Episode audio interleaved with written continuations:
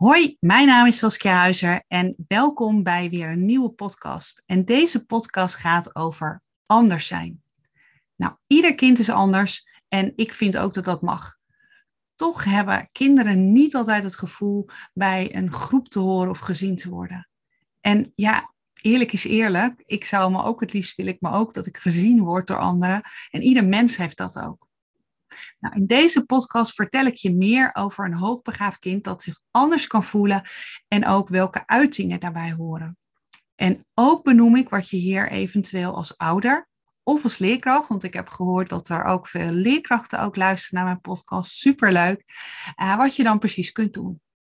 Nou, hoogbegaafde kinderen zijn ook anders uh, dan leeftijdsgenootjes. Ze denken anders, ze voelen anders. En uh, ook tussen deze hoogbegaafde kinderen zie je ook weer dat er heel veel verschil is. Want niet ieder hoogbegaafd kind is ook weer hetzelfde. Toch merk ik tijdens het geven van ouder- of kindbegeleiding dat het sommige kinderen niet zo heel veel doet dat zij ja, anders zijn. Ze accepteren dit en gaan verder. Toch hoor ik meestal wel van ouders en ook dus van kinderen dat een hoogbegaafd kind zich juist wel anders voelt. En dat dat het ook wordt, uh, ja, vervelend wordt ervaren. Je hebt kinderen die hier ook echt stress van krijgen van dat anders zijn. En laatst zei een jongetje tegen mij: Saskia, ik weet alles over welke dieren giftig zijn, hoe ze leven, wat hun vijanden zijn. Maar andere kinderen reageren helemaal niet op wat ik vertel. Soms draaien ze zelfs hun hoofd om.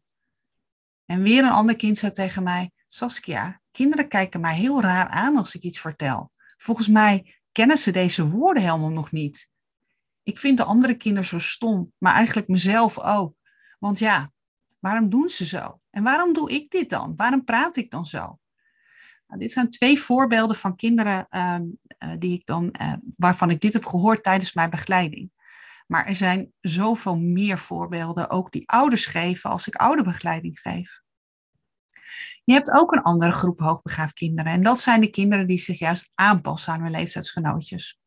Misschien herken je het bij uh, je eigen kind wel, maar uh, als er bijvoorbeeld nog niet gepraat wordt over het melkwegstelsel in, ik noem maar wat, groep 3 of in groep 4, dan uh, gaat het kind, het, die zich dus wil aanpassen aan de rest van de groep, um, laat, gaat dan bijvoorbeeld alleen maar praten over de zon en de maan. Terwijl het misschien al lang weet hoe een melkwegstelsel in elkaar zit en, en wat daarbij hoort en hoe dat is ontstaan.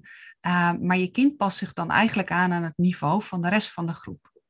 Een ander voorbeeld is bijvoorbeeld dat een kind in groep 1 uh, niet laat zien dat het al kan lezen en misschien zelfs ook kan schrijven. Doet het thuis wel al heel lang, uh, maar doet het vooral niet in de klas. Want ja, andere kinderen doen het ook niet. En stel je voor dat dat opvalt.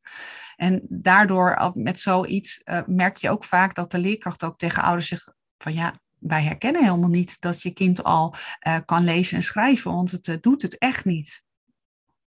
Nou deze podcast ben ik begonnen om te laten weten dat anders zijn mag. Maar ik vind wel, hè, iedereen mag anders zijn. Uh, je mag je anders kleden, je mag je anders voordoen, je mag van ander muziekgenre uh, uh, houden. Maar je moet je wel altijd fijn bij voelen. En als je je namelijk anders voordoet dan je bent, ja, dan haal je jezelf vaak uit evenwicht. En dat gebeurt bij kinderen ook. En bij hoogbegaafde kinderen komt dit vaak nog heftiger aan, omdat zij namelijk veel op een ja, veel intensere manier emoties beleven. En als je je dan onzichtbaar maakt, dan kun je je misschien wel voorstellen dat je kind dan dus niet in evenwicht is. En ik hoop echt dat jouw kind ermee om kan gaan, dat hij dus zich misschien anders kan voelen. En misschien voelt je kind zich helemaal niet anders, dat zou super fijn zijn. Maar als dat wel zo is, dan um, is het fijn als, ja, als je kind er ja, gewoon mag zijn. Wat ik vaak zie is dat een kind de ene keer beter met het anders zijn kan omgaan dan uh, een andere keer.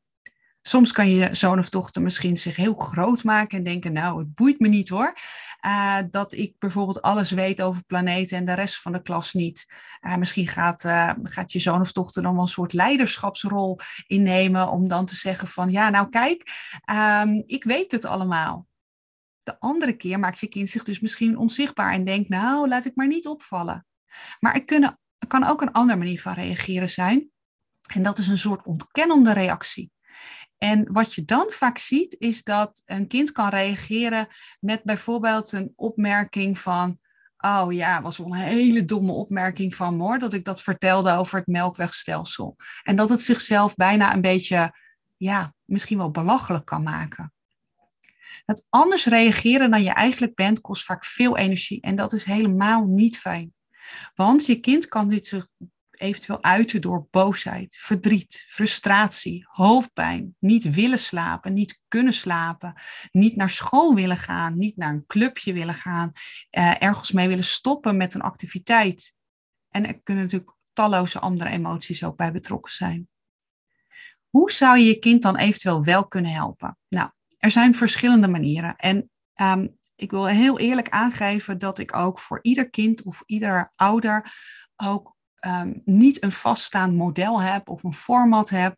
Want ja, zoals net al zei, ieder kind is anders. Dus ik vind ook de manier hoe je erop reageert ook anders is. Er zitten wel een paar grote of ja, een soort rode lijn in. Een, een, bepaald, ehm, ja, bepaalde onderwerpen die ik wel altijd behandel.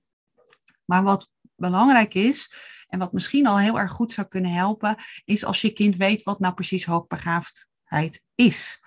En uh, misschien wil je het helemaal niet aan je kind vertellen. Nou, dan moet je misschien dat stapje even overslaan. Uh, maar misschien kun je zelf als ouder wel gaan kijken naar um, de volgende materialen die ik ga opnoemen. Want het is fijn als je kind weet dat, dat hij of zij niet alleen is. En uh, het kan helpen om samen bijvoorbeeld een boek te lezen. Of je kind leest zelf een boek. En uh, ik ga die ook in de show notes zetten. Er zijn meerdere boeken, maar ik benoem er nu even twee. Uh, die ik zelf vaak inzet. Maar nogmaals, er zijn meer boeken van ook van andere ehm, fantastische schrijvers. Uh, als eerste wil ik benoemen de uh, survival gids Hoogbegaafdheid van Tessa Kieboom. En um, dat is voor wat oudere kinderen. En oudere kinderen ja, kan vanaf een jaar of acht zeg maar, gelezen worden, soms misschien ook wel eerder. Maar daarin kan een kind zelf lezen wat nou precies hoogbegaafdheid inhoudt. En um, ja, hoe je dan eventueel kunt voelen en wat je misschien wel anders doet in de groep. Uh, en er staan ook tips in. Heel leuk boek ook.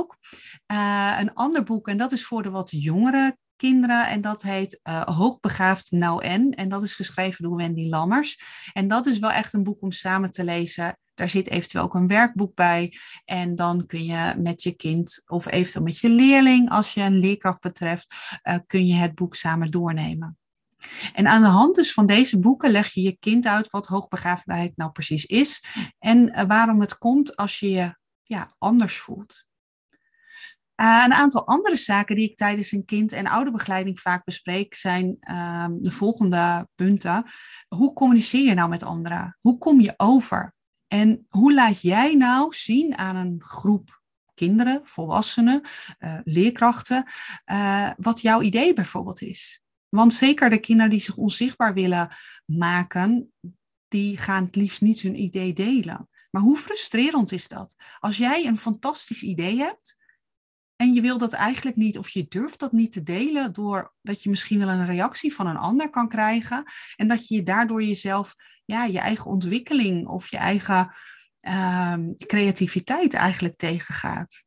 Dat is echt, dat is heel vervelend. En vaak werk ik dus ook dan met deze kinderen om te kijken van hoe kun je je meer laten zien. En op een manier die voor andere kinderen of leerkrachten, volwassenen ook prettig kan zijn. Nou, dat fouten maken mag. Um, hoogbegaafde kinderen denken vaak dat zij alles perfect doen. Dat dat ook van hen verwacht wordt. En sommige mensen spreken dat ook echt uit, of andere kinderen. Ja, maar jij bent hoogbegaafd, dus jij moet dat wel goed doen. Nee, fouten maken mag. Het hoort er zelfs bij. En hoogbegaafde kinderen hoeven niet alles foutloos te doen. En dat moeten ze echt leren. En uh, het is echt bijna een hindernis, een, een barrière, zeg maar, om daar doorheen te gaan. En uh, als je namelijk altijd alles goed doet, dan leer je ook echt niets. Wat ik ook altijd bespreek, is dat jij um, dat ieder kind talenten heeft. Dat heb jij als ouder of als leerkracht, maar dat heeft jouw kind ook. Welke talenten heb jij? En welke talenten heeft de ander? Mm. En kun jij misschien de ander iets leren en de, het andere kind of de andere persoon jou namelijk ook iets? En dat is heel fijn om dat te ervaren. Dat ieder mens prachtige kanten heeft. En de een is nou eenmaal in het een goed en de ander in het ander. Maar het mag er zijn. Nou, als een kind zich heel eenzaam voelt, omdat het dus nou ja, zich anders voelt ook. Wat ook zou kunnen helpen is eventueel een uh, kennis maken met een groep peers. Dus ontwikkelingsgelijken met bijvoorbeeld hetzelfde niveau of dezelfde interesses. En dat zou kunnen helpen om te ervaren dat je kind niet de enige is die van sterren uh, of uh, planeten houdt of van schaken. Een schaakclub of een bijeenkomst van de jeugduniversiteit of een sterrenvereniging of een andere club of hobby kan dan echt helpen. Nou, door middel van gesprekken en passende activiteiten kun jij je kind hiermee ondersteunen. Ook, en, ook op school kan de leerkracht of docent in gesprek gaan met, uh, met jouw kind naar aanleiding van een opdracht. Of juist misschien wel tijdens het maken van een bepaalde opdracht. En als jouw hoogbegaafde kind weet dat hij of zij een obstakel kan tegenkomen, zoals bijvoorbeeld fouten maken mag of anderen begrijpen niet met, met betrekking tot uh, hoe ik communiceer. Als hij of zij dit herkent en weet hoe, hier ook, hoe hij of zij hiermee om kan gaan, dan um, zal het je kind ook, of zal je kind ook eerder gaan proberen om dat uiteindelijk ook uit te gaan voeren en om dat uit te proberen. Nou, ik begon deze podcast met de woorden: ieder kind is anders en mag ook anders zijn. En ik sluit eigenlijk deze podcast met dezelfde woorden af. Alleen wel met de aanvulling dat ieder kind anders is.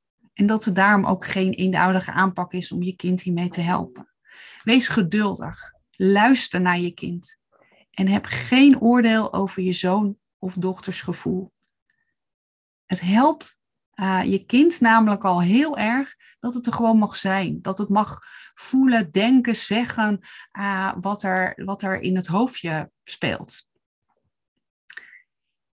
Ik hoop dat je um, iets aan deze podcast hebt gehad. Ik zou het uh, heel fijn vinden om een reactie te krijgen um, via eventueel een direct mail via Instagram, waar ik heel actief ben en uh, regelmatig uh, tips en tools deel over hoogbegaafdheid en opvoeden. Um, mocht je aan anderen willen doorgeven dat deze podcast nou ja, bestaat, uh, heel graag. Uh, en als je een review wil achterlaten, dat kan bijvoorbeeld bij, bij Apple Podcast, dan zou dat ook fijn zijn, want daardoor kunnen andere mensen mijn podcast eerder ook vinden. Ik wil je heel veel succes wensen. En ik hoor en zie je graag bij een andere podcast aflevering.